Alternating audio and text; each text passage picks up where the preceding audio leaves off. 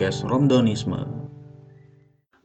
Halo, Assalamualaikum warahmatullahi wabarakatuh Pendengar podcast Taufik Ahmad Romdoni Eh, Apa kabar? Mudah-mudahan kalian semua pada sehat dan juga bahagia Di tengah sekarang lagi pandemik ya eh, Penyakit corona Mudah-mudahan teman-teman pada sehat dan juga jaga kesehatan Oke, eh, pada kesempatan kali ini Di podcast yang gua yang kedua Gue udah bersama dengan seseorang yang terkenal banget ya se-Indonesia ya eh dia adalah Sujada Abdul Malik.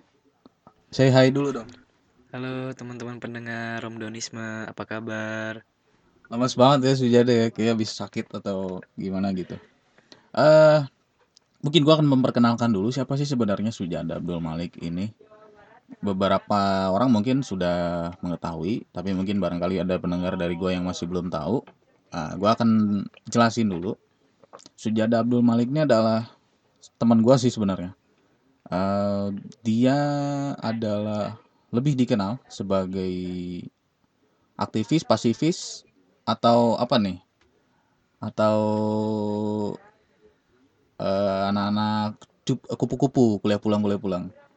Aktivis ya mungkin orang-orang lebih mengenalnya dia sebagai aktivis, aktivis cinta ya, bucin. Enggak, dia sebagai dulu sebagai presiden BEM atau ketua BEM di BEM Unsud tahun 2018. Mungkin teman-teman juga udah pada tahu. Eh, selain itu dia juga pada tahun-tahun sebelumnya juga sebagai menteri juga ya di BEM Unsud, Mensospol eh, dua kali apa eh sekali ya sekali dua dua tahun setahun saya lupa. Eh, dan selain itu dia juga sebagai ketua di kami kami bukan kita Kesatuan Aksi Mahasiswa Muslim Indonesia daerah Purwokerto khususnya komisariat Torik bin Ziyad yaitu komisariat yang membawahi fakultas-fakultas sosial humaniora di Unsur. Itu dia sedikit eh, penjelasan dari aku terkait dengan eh, sedikit biografi dari Sujada Abdul Malik. Dan kenapa dia sangat begitu interest, attracted ya, eh, menarik begitu orang karena mungkin banyak banget nih cewek-cewek yang yang fans banget ya sama Sujada ya mungkin ya. Eh, mungkin nggak nggak eh, itu selintingan sih, tapi lebih ke rekam jejaknya juga. Eh, dia juga banyak bergelut di beberapa organisasi. Eh, sorry kepanitiaan. Salah satunya adalah Sudirman Student Summit juga sebagai korlap. Wah, siapa yang nggak tahu ya, korlap itu kan paling depan ya di antara lima ribuan mahasiswa. Kemudian dia juga pernah di BMSI juga, BEM seluruh Indonesia sebagai apa lu? Koordinator Wah, koordinator isu pendidikan tinggi. Sekarang sering ngisi juga ya, sering-sering ngisi juga di beberapa kampus di Indonesia. Eh, lebih banyak mungkin khususnya di pulau-pulau Jawa. Ya, wah, sering di Bandung juga, di UPI atau mungkin di Undip dan di beberapa kampus lainnya. Ya, itu dia. Dan pada pagi kali ini, eh, gua akan lebih ngobrol nggak bukan soal isu sih ya, bukan soal omnibus law atau isu-isu berat lainnya, tapi lebih ke mungkin perjalanan dia kali ya, eh, lebih ke sharing-sharing aja karena ini kemarin dia habis wisuda nih. Alhamdulillah ya, ternyata bi- bisa wisuda juga ternyata dari yang kita kira nggak akan wisuda wisuda.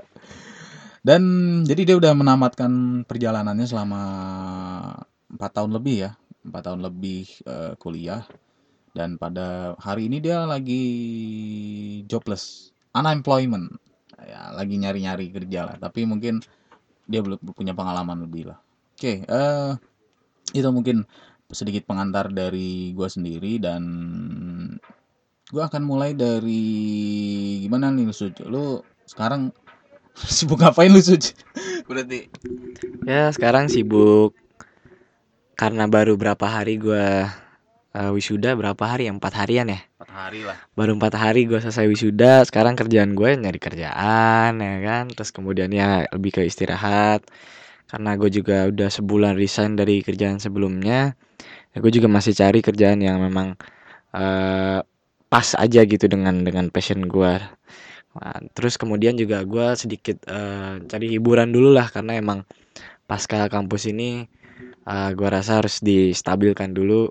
Karena dunia kampus bagi yang emang menikmatinya emang agak berat sih mungkin gitu bro. Jadi sekarang nyari kerja ke mana nih? Bencana nih? gue nyari kerja ya ke mana-mana gitu.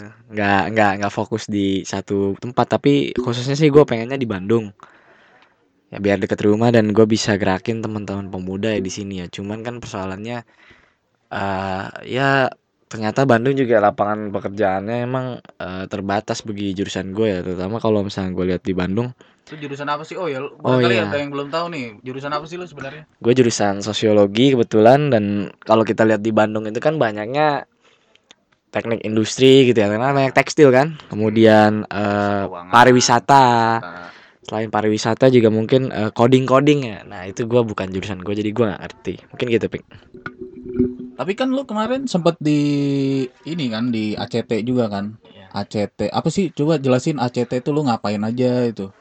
ya CT itu kan kerjaannya ngapain gitu ya jadi kalau gua kemarin tuh di staff program kerjaan gua menyalurkan bantuan begitu ya terus kemudian kerjaan gua juga merumuskan bantuan kemudian kerjaan gue juga mengelola teman-teman relawan se Kabupaten Banyumas. Dan kemudian kerjaan gue yang lain adalah ya gue nge-landing lah. Kalau di perbankan itu kan ada marketing funding ada marketing lending gitu ya. Kalau marketing funding kan dia mencari nasabah. Kalau marketing lending itu kan dia ada uang terus dia ngasih ke orang. Nanti dari uang yang dikasih ke masyarakat itu ada return ke lembaga tersebut nah kerjaan gue juga ada uang dari ACT gue salurkan nanti gue kemas supaya ada return ke ACT begitu Berarti ini Sujan ini filantropis ya, bisa dibilang ya. Orang yang eh, bergelut di bidang sosial juga. Tapi emang cocok sih sebenarnya kemarin. Sosiologi, mempelajari tentang masyarakat eh, dan juga bekerja di yang sifatnya sosial. Tapi kenapa lu ini lu gak ada duit ya apa gimana nih? Itu personal lah ya. Tapi intinya dari perjalanan hidupnya sekarang dia dia lagi mencoba untuk membangun kehidupan yang baru. Lu nggak mau gabung partai? Ya kalau gabung partai sih sebenarnya gini dalam alam demokrasi ini kan eh, partai menjadi suatu keniscayaan gitu ya nggak bisa kita nolak adanya partai ya. Kalau kita nggak berpartai ya itu pilihan, tapi kalau kita mau berpartai itu pilihan. Tapi kalau ditanya gue, lu nggak berpartai deket-deket ini, ya gue bilang nggak dulu lah kalau deket-deket ini, karena gue rasa gue pengen eh, mencicipi dunia yang lain dulu lah. Kayak gue pengen petualang dulu. Nanti mungkin setelah gue matang, kemudian modal sudah cukup terkumpul ya. modal itu penting kayak dalam dunia partai itu. Yang penting modal udah cukup cukup terkumpul, baru gue terjun ke partai dan partai apa yang kira-kira jadi preferensi? Ya gue nggak nggak bakal milih ah partai Islam partai nasionalis enggak kok. Selama partai itu dia punya yang jelas gagasan dan visi misinya jelas ya gue bergabung begitu loh. Sementara ini gue belum membedah visi misi partainya sih. Meskipun PSI ya. gimana? Meskipun PSI. PSI gue lihat dulu eh, visi misinya. Walaupun PSI nanti kalau misalnya visi misinya bagus dan gue bandingkan dengan yang lain bagus ya so kenapa enggak gue gabung. Kan tapi juga bukan soal visi misi tapi soal eh, stabilitas partai juga penting ya. Walaupun emang partainya itu apa namanya baru tapi kalau dia nggak stabil ya buat apa begitu kan. Nanti baru setahun ada hilang. Kan dia ininya banyak juga tuh donatur ya kan. Wah, kita kan nggak tahu Ya itulah mungkin gue sedikit nyinggung ini juga karena ya ini eh, diskusi kita sehari-hari sih biasanya gue sama Sujada atau dan lain-lainnya gitu.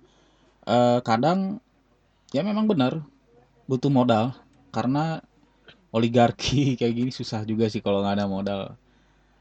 Itu mungkin kehidupan ke depannya Sujada tapi gue mau nanya nih eh, perjalanan dulu waktu di kampus ya Suja. eh, lu dulu kenapa sih mau kuliah? Lu nggak kerja aja gitu atau kan lu langsung, langsung nikah gitu dulu?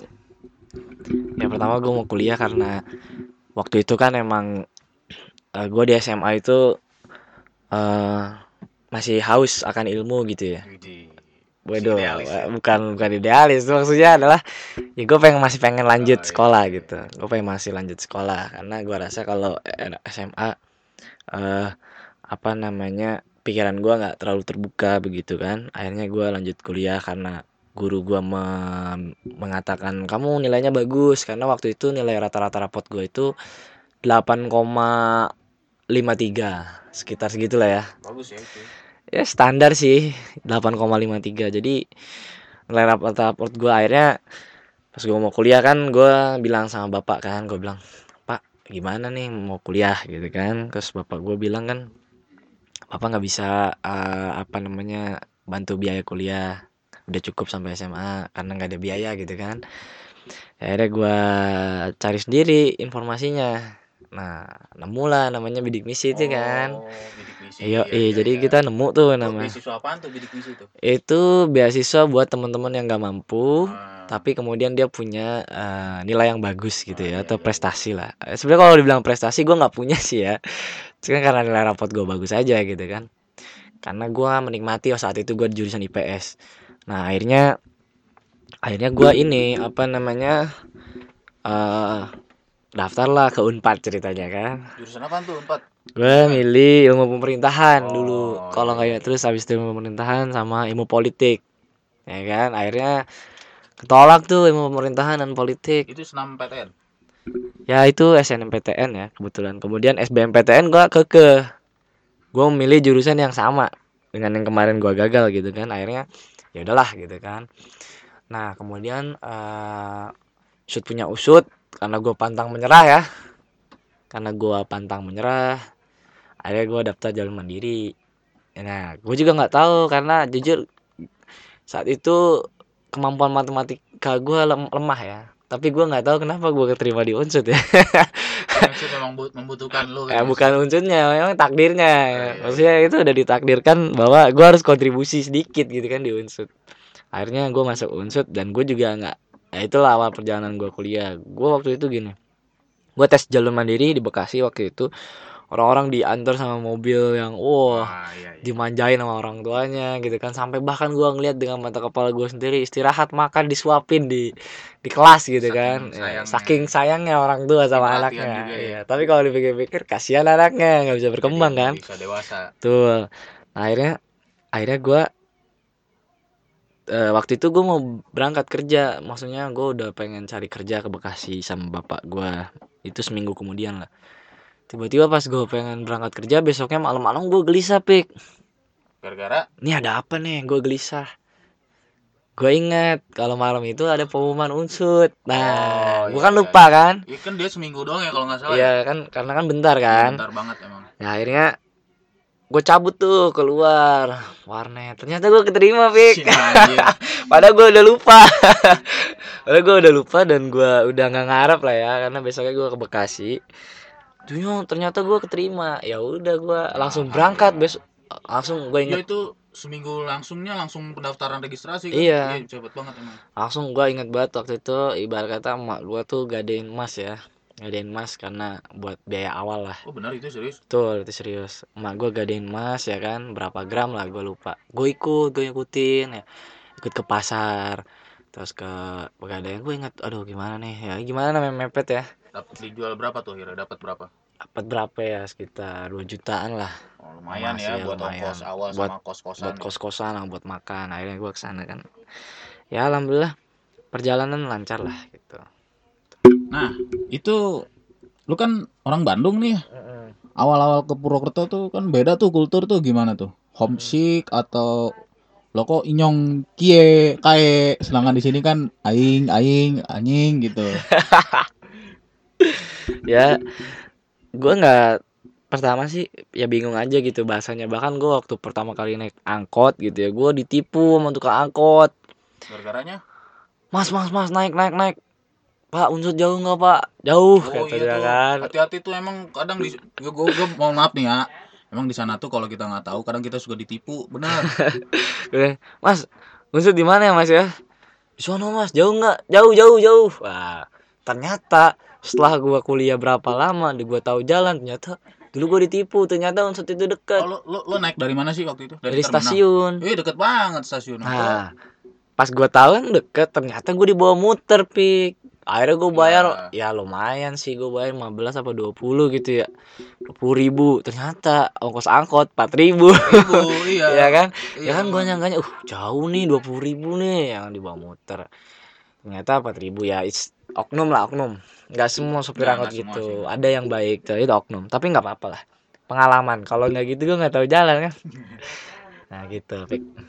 Nah, eh terus eh, lu ini awal-awal tuh lu jadi kupu-kupu ya kupu-kupu nggak nggak langsung lu kan lu nggak langsung ini kan nggak langsung ikut apa sih eh pengkaderan lah gua bisa dibilang kalau gua kan langsung masuk kosan macan tuh kalau gua kan. Kosan macan kosan macan tuh isinya kan. Kandang macan. TV semua isinya tuh. Tapi lu eh jadi kupu-kupu dulu. Kalau apa lu ikut baksos ya? Baksos visip jadi ya pertama kali gue ikut bakti sosial visip ya. Apa itu tuh baksos Jadi bakti sosial visip itu eh, kegiatan yang diwadahi sama keluarga besar masa visip untuk menjaring teman-teman maba-maba yang memang prospektif gitu ke depannya. Ya ibarat kata nanti orang-orang yang jadi koordinator baksos atau orang yang terlibat aktif dalam baksos ini memang dia akan diproyeksikan menjadi pemimpin-pemimpin. Pemimpin-pemimpin di mana? Pemimpin-pemimpin di fakultas. Saat itu gue ikut baksos, waktu itu eh, prosesnya lama ya. Baksosnya berbulan-bulan eh baksosnya seminggu baksosnya itu eh, lebih dari KKN Pik. tapi kalau gua waktuin pendek waktunya singkat tapi effortnya lebih dari KKN dan seriusnya lebih serius dari KKN makanya waktu gua KKN santai karena ah elah bakso saya udah udah berat udah, ya. berat kan gitu. Karena bener-bener pik sur- survei kita rapat bener-bener nilai-nilai visi misi sesuaikan dengan warga kita bener-bener mapping. beres-beres. Iya makanya banyak yang kabur. Gua waktu itu jadi koordinator aca divisi acara staff gua 22 pertama. Tiba-tiba staff gue tinggal berenam pik tiga sedikit. Nah tapi enam orang itu jadi semua. Nah, salah satunya misalkan uh, presiden mahasiswa visip Amir. Oh Amin nah itu staff gua ya kan? Si Amir itu staff gua. keren ini jadi staff gue ya. terus kemudian eh ya macam-macam lah. Jadi dia jadi ketua Rizom eh, bukan ketua Rizom ya ketua UKM sorry sorry. Ketua UKM terus dia jadi menteri terus di fakultas. Ya macam-macam. Jadi jadi jadi orangnya jadi hidup gitu. Oh ini koordinator PKK sorry. Oh, koordinator iya. PKK jadi PKK itu penerima mahasiswa baru. Jadi Ospek jadi lah jadi ya jadi. Dan beberapa koordinator koordinator yang ada itu cuma jadi orang jadi maksudnya jadi aktif semua di kampus. Begitu. Mungkin yang nggak aktif mungkin bukannya nggak jadi cuma maksudnya adalah hobinya yang lain gitu loh. Nggak nggak di situ. Mungkin gitu jadi gue pertama kali ikut itu. Nah lu terus lu gimana ceritanya nih? Bisa ujuk-ujuk bem bem unsut atau lu kalau nggak salah di kader-kader gitu ya sama yang ikhwat-ikhwat gitu ya kalau nggak salah ya. Ah, lalu juga gue ya jadi gue awalnya kan nggak tahu bem unsut kan. Apaan tuh bem gitu kan. Karena gue kan dunianya gue di kampus depan visip. Jadi gue nggak tahu tuh oh, ada bem unsut ada apa. Bahkan gue ketika dua tahun pertama gue kan jarang main ke PKM iya iya. Dunia yang asing bagi gue kampus belakang tuh kan akhirnya gue sempat mau dikader sama HMI Widi Kanda Iya kanda kanda kanda kan. Wah cuma kan gue kaget pas ya mungkin ini ya ada hal, hal kaget lah. Ya mungkin ini nggak semua ya tapi intinya adalah gue kaget aja waktu itu waktu gue main ke pondok ya kan. Wah, wah cewek pada pada begini. jadi ya kaget lah. Rahasia umum Ya, ya jadi pada ngerokok, terus cewek-ceweknya ngerokok, terus ya pokoknya ya tapi gue suka aja pemikirannya bagus kok. Tapi gue memutuskan untuk enggak. Akhirnya gue di, mau dikader lagi sama FMN. Widi Gue diajak diskusi tuh SKT apa, Salam ya kan? demokrasi. Salam demokrasi, Salam ya demokrasi. kan? FMN. Akhirnya gue sama FMN, tapi FMN gagal mengkader gue kan. Terus gue mau dikader lagi sama FMN, HM, wah banyak lah. Terus kemudian gue lupa. Ada gue memutuskan untuk gabung IMM ini unik Pik oh iya. Eh yang khalifah khalifah gitu enggak? Enggak, Oh, enggak. beda itu Beda, beda, beda. gue kalau itu kan dulu berkembangnya di teman-teman FEB ya. Tapi Iya, iya. gue udah tahu sih udah mencium. Jadi ya bodo amat lah gitu. Nah terus gue mau masuk ikatan mahasiswa Muhammadiyah. IMM ya. eh, eh. gue udah memutuskan untuk gabung. Tapi tiba-tiba kata mahasiswa Muhammadiyah ini gue cari-cari. Ini orangnya nggak tahu di mana. Oh, karena kan nggak terlalu iya, berkembang kan. iya. di mana nih? Gue mau gabung sama siapa kontaknya kan? Gue cari-cari nggak ketemu ketemu nah akhirnya gue ketemulah sama kami. Karena waktu itu Teh Erna Teh Erna. Oh iya, Nah, Terna. Teh Erna itu kan senior gue kan di Pinter lu, kampus. Ya. bukan gitu bego. Maksudnya gue ketemu Teh Erna. Dia kan senior kan di kampus Iya, iya. kan. Oh, dia visip juga ya? visip. Akhirnya kader tuh gua sama Teh Erna. Suruh ikut ya kan. Akhirnya ya udahlah. Karena gua rasa dia moderat ya. Gue juga heran kenapa orang-orang bilang kami itu ekstrim padahal dia moderat secara pemikiran loh. Nah akhirnya gue lihat moderat nah kemudian ya udahlah gue gabung begitu akhirnya gue dari kami nah terus lama kelamaan kan gue di lebih luas tuh jaringan ada jaringan kampus belakang kampus depan jadi gua tahu oh di sini ada bem oh di situ ada DLM oh ada macam-macam kan nah saat itu gua jadi ketua Oh KPR iya, gua lupa ngasih tahu ya. Gua lupa ngasih tahu, Sujada ini juga dulu pernah ketua KPR. KPR itu adalah Komisi Pemilihan Raya. Itu KPU-nya lah, KPU di Unsut. Nah, itu juga gua awal kali dengan Sujada tuh di situ. KPR waktu itu ya, bersama Hayat. Ya ngurus-ngurusin surat suara. ya pokoknya kita jadi KPR atau KPU di kampus. Waktu itu pemilihan raya bem unsut bang Isan. Nah jadi gua tahu dunia univ oh begini ya ternyata dunia univ waktu itu gue juga ketemu topik nih. Jadi topik itu waktu itu juga ngurus-ngurus kadif logistik ya pik ya Bukan Kadif, si Hayat. Gua mau babu doang gitu itu, babunya Hayat, sumpah. Oh iya, di waktu itu ada ada Aski ya kan. Ada? Hayat, ada Topik, ada siapa lagi, Fik? Banyak ya. Hana Hana masuk belum? Hana belum. Oh, belum. Nggak ada Hana. Pokoknya udah lah intinya kita jadi KPU kan. Nah, gua abis jadi KPU selesai. Gue ditarik sama Bang Isan, BEM Unsut. Jadi orang-orangnya Suc kayaknya ente bagus nih kata Bang Isan gitu kan. Kayak lu bagus nih. Gabung lah gitu. Ah bang takut gak bisa bang. Ya udah coba aja dulu. Nih kenalin Rian. Nih nanti jadi bakal jadi main sospol nanti lu di sospol ya katanya. Lu belajar sospol di sini nanti. Nanti gampang ada ma- teman-teman yang bantu. Oke bang. Nah nggak nggak seleksi tuh orang ada seleksi. Gue main comot aja kata gue kan ya emang sebagai pemberitahuan juga ya teman-teman bahwa menteri atau presiden BEM itu dia boleh nyomot satu atau dua orang ya. Tergantung kebijakan presbemnya boleh atau enggaknya. Zaman gua itu gua membolehkan menteri itu ny- nyomot dua orang. Asal dia amanah dan kemudian dia bagus. Arti, Nah. artinya mungkin dia nggak artinya dia nggak lewat screening ya? Ya nggak lewat screening. dia nggak lewat screening cuman nanti kalau dia bagus ya nanti kita masukin. Nah itu gua melalui proses kayak gitu dan alhamdulillah mungkin gua cukup cukup apa ya cukup pandangan orang terhadap gua. Gua nggak bisa mandang diri gue sendiri ya. Tapi pandangan orang terhadap gua ya mungkin gua ada kontribusi lah di situ. Akhirnya gua mengenal BEM Unsut dari situ. Oke, jadi awalnya tuh dicomot ya, dicomot, Dicomot. oleh jadi Ihsan itu adalah Presbem 2016, Presbem Unsur 2016.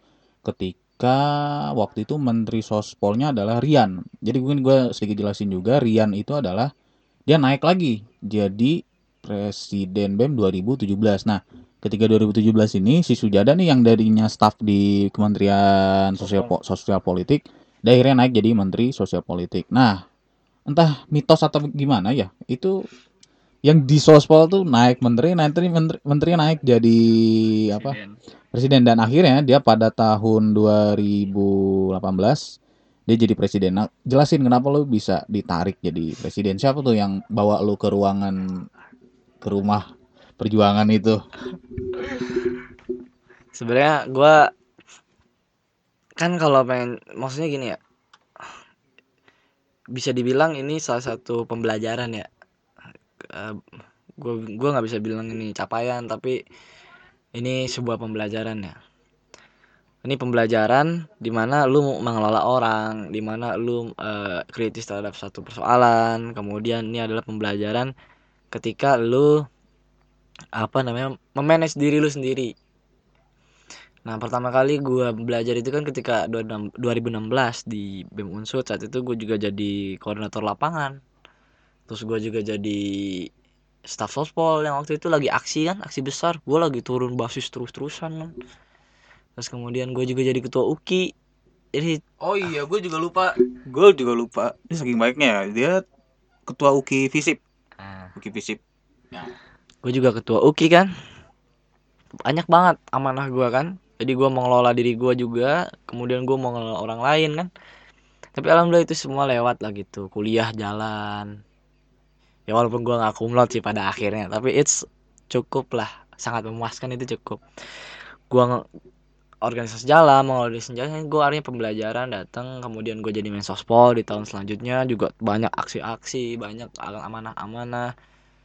Gue jadi ketua kami juga di tahun selanjutnya kan. Intinya banyak sekali amanah yang datang hadir pada gue karena gue percaya sih amanah itu datang karena memang orang percaya sama kita gitu. Dan alhamdulillah selama gue di kampus gue nggak pernah nyari itu gitu.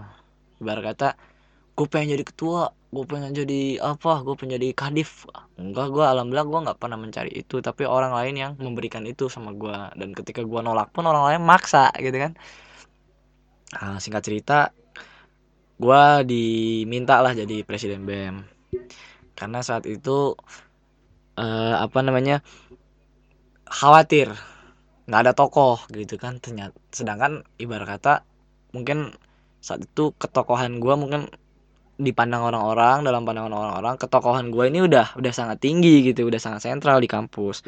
Dan hampir semua fakultas kenal sama gue gitu kan terutama teman-teman yang di organisasi hima lah apalah gitu kan udah sampai basis.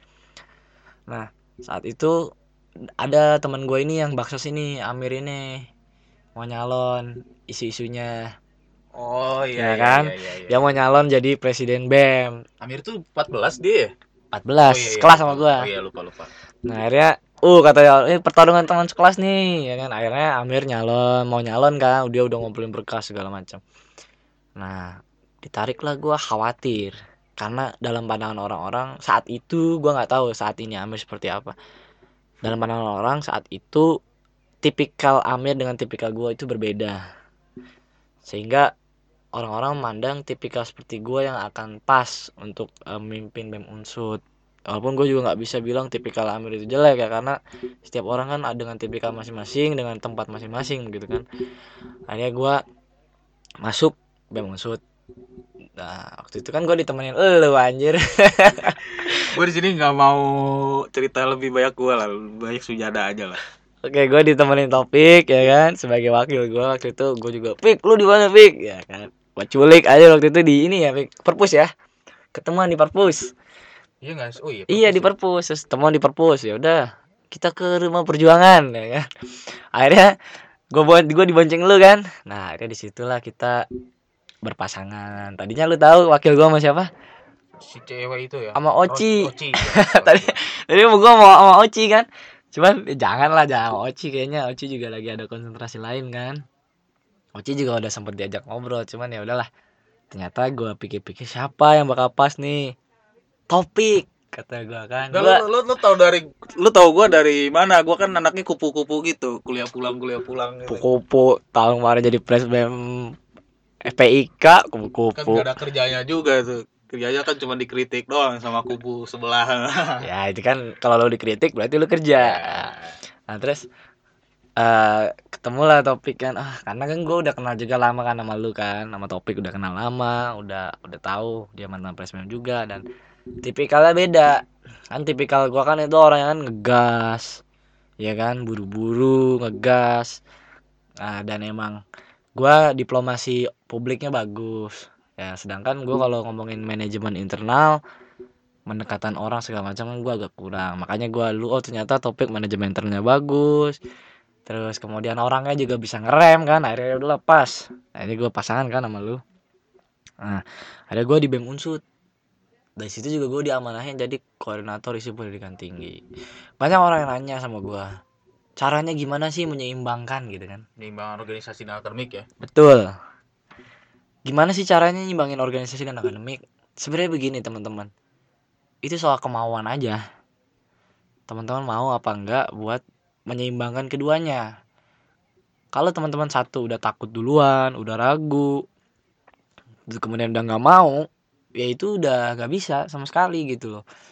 Aktivis-aktivis zaman sekarang atau orang-orang yang berusaha aktif di zaman sekarang itu nggak kayak zaman dulu yang kuliahnya 9 tahun, IPK-nya jeblok. Yang tiba-tiba udah gede jadi pejabat ya kan?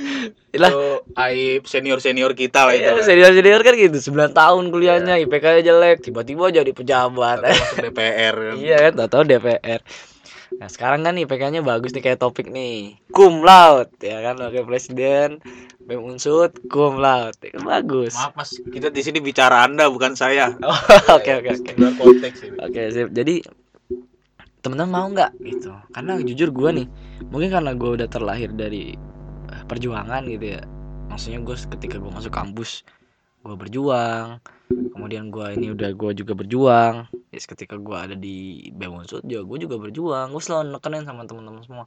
Kalau lu semua nyerah, kemungkinan itu akan tertutup. Tapi selama lu jalan, kemungkinan itu akan terbuka. Lu bakal dapet sekarang atau nanti pokoknya itu prinsip yang selalu gue tanamin sama teman-teman semua makanya gue dikenal katanya gue maksa padahal enggak gue berusaha untuk menanamkan prinsip itu. Gue bilang teman-teman mau maju apa enggak? Kalau teman-teman mau maju teman-teman jalan. Selama teman-teman jalan teman-teman pasti dapat. Sekarang atau nanti.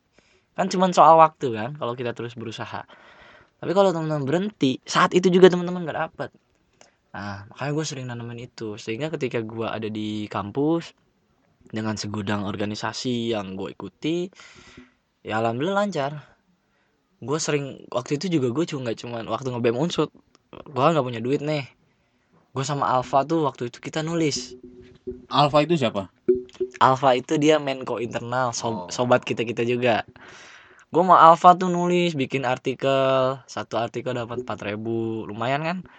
Empat ribu empat ribu. Selain gue nulis gue juga macam-macam tapi jujur skripsi gue tunda. Kenapa? Karena ya gue melihat masih gue masih punya waktu untuk mengerjakan skripsi di tahun depan setelah BEM selesai. Karena gue mau memprioritaskan orang lain dulu sementara ini. Akhirnya ya itu keatur dengan sendirinya skill lu ngatur waktu itu skill yang by experience. Ibarat kata skill yang by experience. Lu harus gagal dulu. Sama kayak gue gue sempat bentrok dulu. Akhirnya gue tahu cara mengiyakan. Jadi kan kadang-kadang undangan itu kan datang mas Joda bisa nggak ya mas Joda bisa nggak? Ya. Akhirnya ketika gue iyain semua gue nggak sanggup kan? Iya ujung-ujungnya gue juga yang dateng kan. Sorry Pik Ya, Beb- beberapa kali gue juga ada legasi gitu. Pik gue minta tolong Pik lu yang ngisi Pik karena gue udah ngiyain nah. Ya tapi kan lama-lama kita ngasah sendiri kan. Lama-lama kita ada waktu nggak? Nggak ada. Sanggup nggak? Kayaknya nggak sanggup. Kita tolak. Sanggup nggak? Sanggup. Ya jadi akhirnya kita termanage sendirinya. Akhirnya kuliah gue juga ya kelar lima tahun 4 bulan. Tapi gue mau nanya soal ini ya. Eh perjalanan lu di BEM Unsud ini kan banyak lah ya eh, rintangannya. Pertama mungkin dari soal mengelola masalah mengelola kegiatan. Gue mau nanya dulu yang soal pertama ini. Eh lu tau lah BEM Unsud itu kan tuntutannya banyak. Kegiatannya juga banyak banget. Apalagi waktu angkatan lu itu gue inget banget ada lima proker gede. Dan kalau dihitung-hitung gue juga kemarin udah ngitung ratusan juta tuh kita harus keluarin duit buat penyelenggaraan itu. Dan itu impossible sih.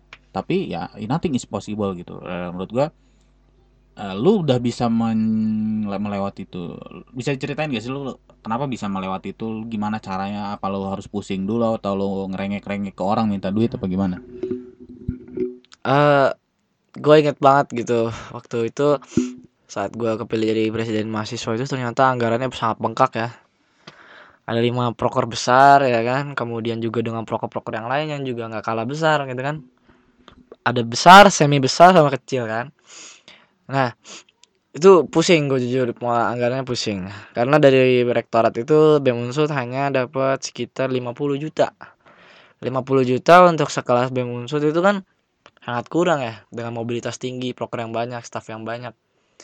Nah akhirnya gue puter akal gitu. Gue sama lu sama Alfa sama teman-teman yang lain kita puter otak.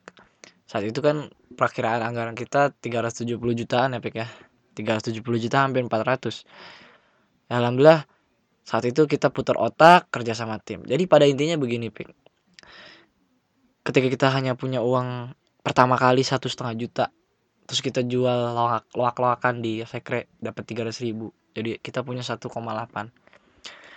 terus kemudian uang 50 juta itu juga baru cair bulan November dari pengajuan bulan Maret.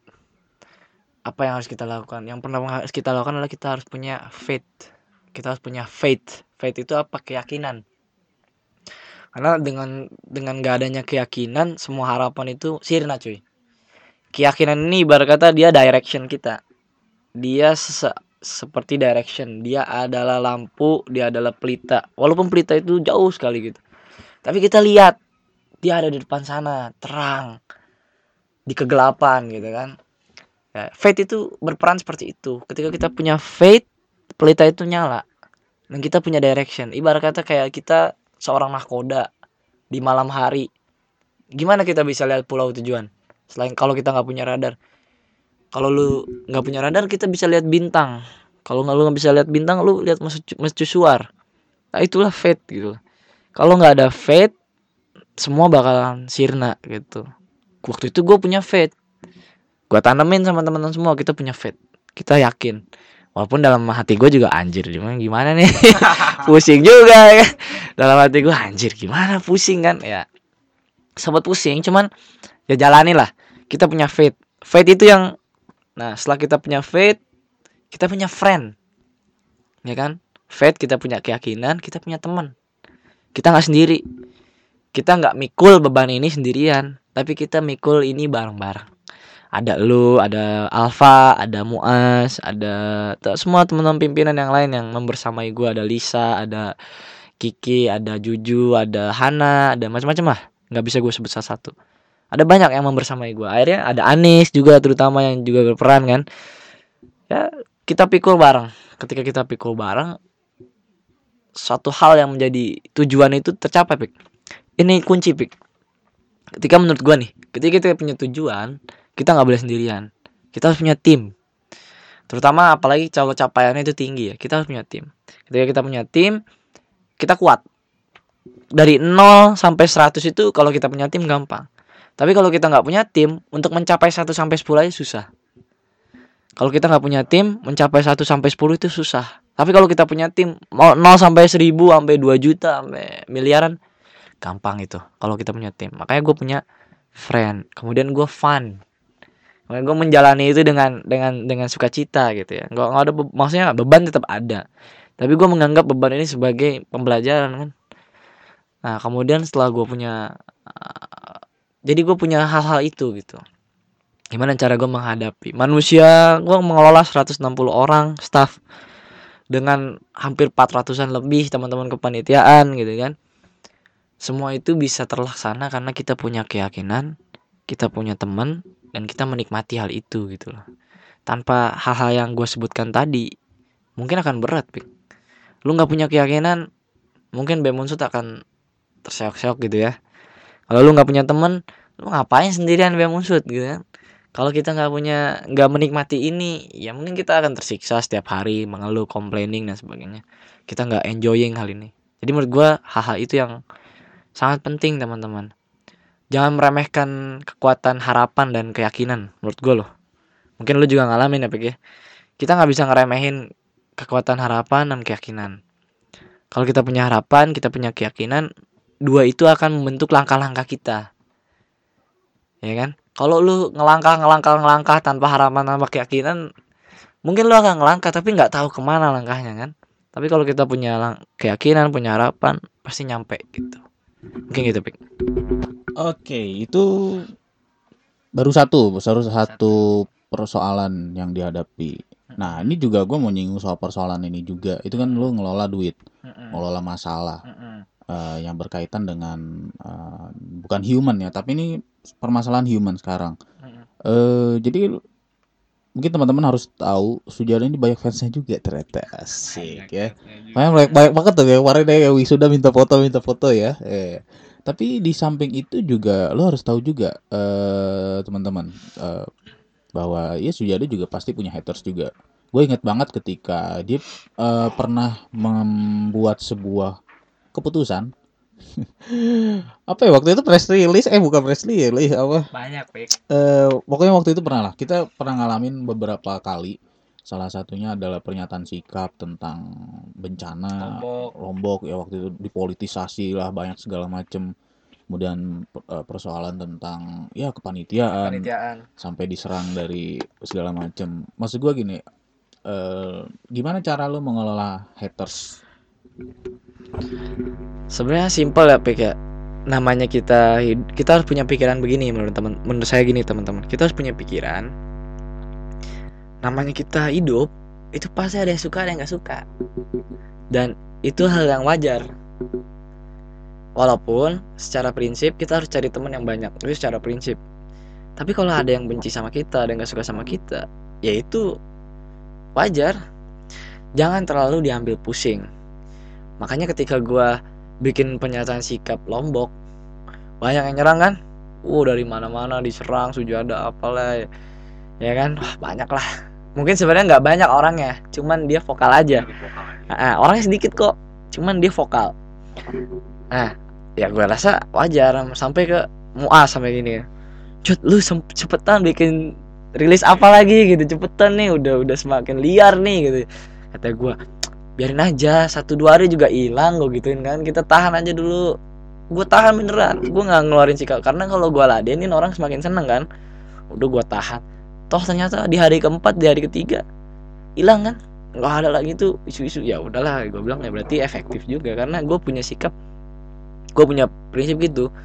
Ya selama kita ada di satu tempat apalagi kita misalkan mencoba untuk uh, gerak gitu ya orang pasti ada yang suka ada yang nggak suka dan itu hal yang wajar.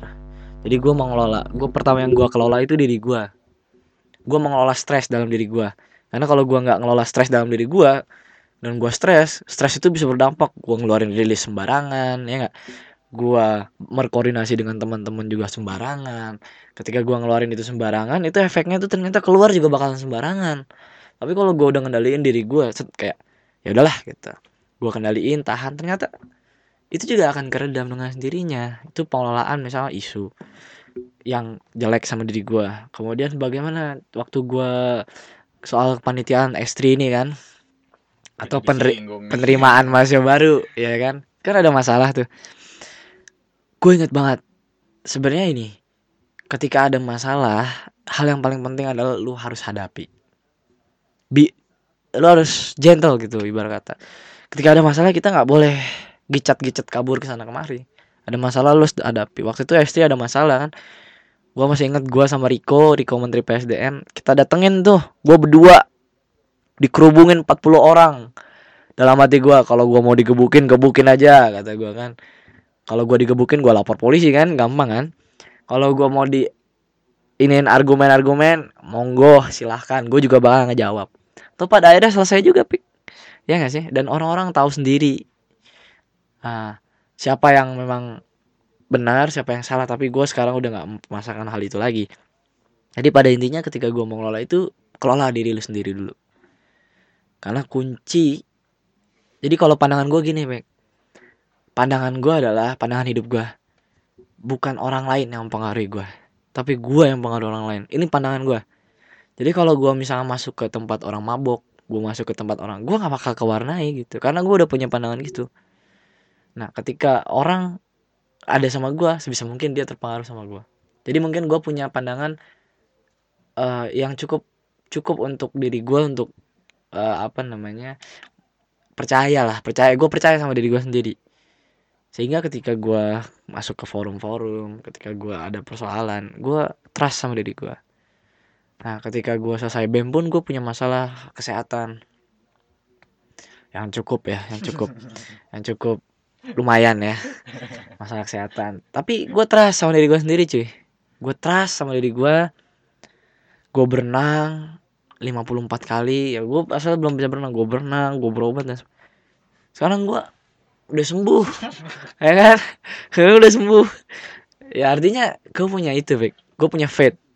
Gue punya faith kemudian gue mengelola diri gue sendiri. Bahkan sekarang ketika gue nyari kerja pun gue masih nerapin itu. Kayak misalkan gini gue ngelamar. Gue ketolak. Ya positif thinking gue adalah ya, emang itu bukan tempat gue positif thinking keduanya yang lain adalah gue harus evaluasi sebelum mana gue salahnya. Gue harus mengembangkan diri. Akhirnya gue gue evaluasi ternyata gue gagal psikotes hitungan. Akhirnya gue belajar matematika. Ya kan? Nah sebenarnya teman-teman harus punya itu gitu. Ini menurut gue value yang harus kita sebar pik value harus kita sebar keyakinan pengelolaan diri kepercayaan diri tidak mudah patah gitu kan. Kita ini makanya gue sering pikir dalam kepala gue tuh dari dulu sampai sekarang gue ini baja. Gue ini baja nggak mudah buat gue dipatahin. Kalau ada orang yang mau matahin gue gue patahin duluan orangnya gitu kan kasarnya gitu kan. Makanya gue konfrontatif orangnya. Orang mau ngapa-ngapain gue gue patahin duluan gitu kan. Tapi ini mungkin prinsip. Gue ini baja gue nggak nggak mudah patah gitu. Ibarat kata kalau ada orang yang mau hantam gue gue hantam balik. Dan ketika ada persoalan-persoalan yang hadir sama diri gue gue nggak mudah patah. Ini prinsip yang harus kita punya gitu loh Pik. karena tanpa sifat baja ini mungkin kita akan gampang patah. Ada masalah dikit ngeluh ngeluh. Kayak misalkan baru baru masalah apa ya? Bucin lah ya. Masalah perbucinan. Aduh aduh ya Allah. Baru masalah gitu doang gitu kan terus baru masalah apalah kuliah skripsi. Ada pik teman gue pik. Ya mungkin gue nggak bisa sebut namanya. Jadi teman gue itu ngerasa kayak skripsi itu pusing banget. Padahal kata gue skripsi itu kayak lu dikasih makalah aja sama dosen. Terus lu kerjain. Toh gue juga selesai. Tapi temen gue tuh kayak aduh karena oh ternyata pas gue lihat dia ku kurang. Pembelajaran terkait dengan stressing manajemennya kurang. Sehingga ya itu juga ngaruh sama skripsinya. Mungkin gitu Pik. Nah, eh kalau tadi gue kita udah singgung banyak ya terkait dengan di BEM dulu perjuangan ke depan eh, perjuangan kemarin seperti apa. Gue mau minta pendapatnya tentang ini. Eh, menurut tuh sekarang BEM sekarang nih gimana sih? BEM secara umum ya se Indonesia ya. Sekarang kan isunya nih isu-isu kemarin tuh sempat ngadain aksi gede-gedean tuh kan di mana memunculkan kampus Gejayan, eh, Gejayan memanggil, kemudian DPR. Lu sebagai mantan lah gue bilang, itu lu melihatnya seperti apa sih? pertama di pandangan gue nggak tahu orang lain. Gue nggak mau membandingkan. Kenapa ya? Karena gue nggak dalam posisi sebagai pengamat dan pembanding ya. Gue melihat bem sekarang ya gue mengapresiasi masih ada orang yang mau. Dengan mereka maunya aja udah bagus. Karena nggak semua orang mau cuy. Ya nggak sih? Nggak semua orang mau nerima beban seberat itu. Nggak semua orang mau nerima tekanan seberat itu. Hanya sedikit sedikit orang nih, Pak, di berbagai kampus. Pertama gue apresiasi.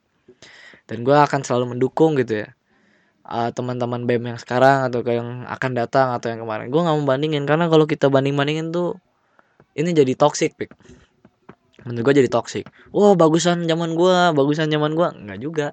Setiap zaman itu dia punya keunikan masing-masing. Walaupun dengan daya yang berbeda. Sekarang gini katakanlah di tahun A BEM-nya bagus di gerakan. Di tahun B BEM-nya bagus di mana? Ya kan kita nggak bisa bilang tahun lalu lebih bagus di gerakan atau tahun ini lebih bagus di kegiatan. Karena kondisi material kondisi yang terjadi saat itu apa kalau kondisi yang terjadi saat itu A ya emang pas momentum gitu. Kayak misalkan tahun kemarin aksi DPR ya banyak banget kan? Kalau gua analisis ini pertemuan antara dua hal antara momentum dengan usaha. Ya nggak sih? Usahanya ada kemudian momentumnya pas KPK coba kalau zaman gua. Usahanya banyak. usahanya banyak momentumnya nggak ada. Susah kan? Akhirnya menurut gue ini bukan soal membanding bandingkan tapi gue apresiasi sama bem yang ada hari ini. Gue nggak bisa nyebut dia jelek atau bagus. Ya, intinya adalah dia spesial dengan karakternya masing-masing. Nah, gue nggak boleh arogan besar kepala zaman gue bagus nih. Zaman gue paling oke. Nggak boleh cuy. Biar bagaimanapun kita juga mesti belajar dengan adik-adik kita. Ibarat kata kalau kata emak gue tuh telur walaupun dia lahir dari pantat ayam kita tahu pasti isinya tai semua. Tetap kita makan kan? Karena telur itu kan kebaikan itu. Nah kita harus memandang seperti itu. Jadi kalau misalnya ada adik kita ini sekarang di BEM satu gua apresiasi. Dua gua mendukung penuh. Ketiga kalau ada pembelajaran dari mereka ya gua ambil begitu loh.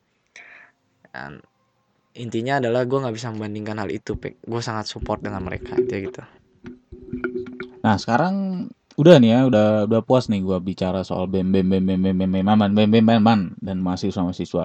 Gue mau nanya nih lu ke depan mau gimana nih? Menikah ya? Ini gue mau nanya nih, ini klarifikasi dari netizen-netizen di Indonesia ya. Akhwat-akhwat UPI tuh gimana tuh? kabar burung apa gimana tuh ya siapa lu itu Gary itu netizen netizen ya itu gini bro jadi itu isu Gary. Waktu itu lagi mantai lah. Gary itu siapa? Gary itu siapa? Gary itu menteri dalam negeri gua kan. Eh gua lagi mantai terus tiba-tiba dia ini kan. Itu lama udah lama dua tahun lalu. Ya banyak hal udah berubah lah. Banyak hal udah berubah dan kemudian juga banyak isu udah berubah kan. Ya intinya begitulah. Dan kemudian ke depan gua kayak apa? Ya pertama gua mau kerja dulu sih sebenarnya. Karena gua sekarang pandangannya gini value perjuangannya sama pik. Tapi alatnya beda. Kan kemarin value perjuangannya sama alatnya bem. Sekarang value perjuangan gue sama. Cuma alatnya beda. Nah tapi kan ini dunia yang lebih luas lagi kan? Tapi istilahnya modal value nya modal apanya gue udah dapet cukup di tempat di kampus. Gue juga bersyukur gue dari kampus. Katanya gini apa ini orang-orang kampus? Berkutat di kampus terus. Karena suka ada kayak gitu kan apa ini berkutat di kampus terus? Keluar dong ke dunia luar. Ya di kampus itu bagus. Kita di tempat value value yang dasar. Ketika kita nanti ke masyarakat kita memandang lebih luas lagi value nya tetap sama. Makanya sekarang gue pengen kerja ya kan? Karena untuk perjuangan kan juga logika tanpa logistik itu kan sulit kan? Logika tanpa logistik. Makanya gue nyari logistik dulu. Ya sambil pelan-pelan gue ada rencana buat eh, masuk ke Viking gue mau mewarnai aja supporter Persib Bandung ini supaya lebih positif. Karena sayang cuy potensi energinya besar ya kan? Sayang kalau misalnya cuman bikin flare gitu kan. Chance. Bikin chance sih bagus semangat. Cuma maksud gua adalah ya kali kali lah maksudnya Viking ada banjir tuh. Viking banjir Viking peduli misal gitu lah. Ya enggak atau misalnya Viking muda ya kan? Kepemimpinan gitu kan? Kayak keren gitu kan? Nah gue mau masuk rencananya ke sana selain gue bekerja. Jadi intinya adalah tetap gue pengen kontribusi di masyarakat nah, tap- tapi tetap gue juga pengen bekerja. Nah itu sebenarnya yang yang lagi gue rumuskan dan pikirkan saat ini. Jadi harapan gue sih ke depan sampai umur gue 30 tahun ya gue udah punya eh, hal yang cukup lah untuk hal itu. Karena sekarang kan gue 23 ya. Umur gue baru 20 23 tahun dan gue baru lulus. Ya masih panjang perjalanan gue ke depan. Tapi visi gue tetap sama. Intinya adalah besar kecil. Sebenarnya nggak penting loh. Posisi lu apa di masyarakat itu nggak penting cuy yang penting lu kontribusi besar atau kecil. Lu jadi ketua RT aja udah cukup menurut gue lu jadi ketua RW menurut gue udah cukup loh. Karena lu udah mau ngeluangin waktu untuk orang lain itu udah capaian udah hal-hal yang diapresiasi. Jadi nggak penting lu posisi lu apa di masyarakat yang penting apa yang lu lakuin besar apa kecil. Menurut gue sih itu. Mantap ya. Jangan lupa ya coblos aja coblos sujada partai kanan atas. Ya itu mungkin eh, banyak banget nih. Kita udah hampir satu jam eh, dengerin kisah tentang sujada Abdul Malik dan juga mungkin dunia perkuliahan dan juga khususnya tentang kebem-beman. Mungkin barangkali dari lo ada yang masih value-value-nya ya masih value value-nya terutama. Barangkali dari lu juga masih belum ngerti apa sih oh BEM tuh oh ternyata begini. Taunya mungkin BEM tuh oh demo demo aja kan. Atau mungkin BEM taunya ya nggak ada demonya apa nggak ada demo nggak ada demo mulu nih nggak ada demo mulu ya dari dari situ akhirnya kita kita tahu bahwa ya banyak va- value juga di sana dan nggak cuma soal BEM juga tapi juga akademik bagaimana nilai. Dan bahkan gue juga nyinggung soal tadi kehidupan setelah ini juga seperti apa. Itu loh mungkin tadi gambaran dari eh, Sujada Abdul Malik. Eh, mungkin ada pesan terakhir mungkin barangkali buat pendengar gue nih. Terakhir yang menurut gue adalah eh, teman-teman korde di teman-teman itu ada di diri teman-teman ya bukan orang lain gitu. Tapi juga jangan terlena ibarat kata oh karena gue sendiri ya bodoh amat terserah gue nggak boleh gitu. Tapi dalam arti kita harus believe sama diri kita sendiri. Ketika orang lain kelihatan udah berlari kita masih berjalan ya nggak? Ketika orang lain udah kelihatan berjalan berlari kita berjalan bukan berarti kita kalah. Bisa jadi orang yang berlari habis energi karena kita jalan energi kita masih banyak terus kita lari atau sebaliknya dan sebagainya. Artinya semua orang punya track masing-masing. Yang penting ada belief tadi. Kita harus punya keyakinan. Karena setiap perjalanan gue di BEM atau di mana ternyata keyakinan itu yang bikin gue lancar. Di kuliahan kah? Di BEM kah? Di pertemanan kah? Jadi jangan jangan sampai teman-teman gak believe sama diri teman-teman sendiri. Mungkin itu. Luar biasa banget ya gila. Dan lo harus tahu podcast ini gratis kalau lo di kampus lain mungkin lo harus bayar ikut seminar talk show nya 25 15 bahkan 50 untuk mendatangkan seorang sujada. Tapi dengan podcast gue nih gratis banget. Jadi itu mungkin eh, sedikit cerita podcast gue bersama dengan sujada mantan presiden BEM Unsud tahun 2018 semoga teman-teman bisa mengambil manfaatnya. Sampai jumpa di podcast Romdonisme selanjutnya. See you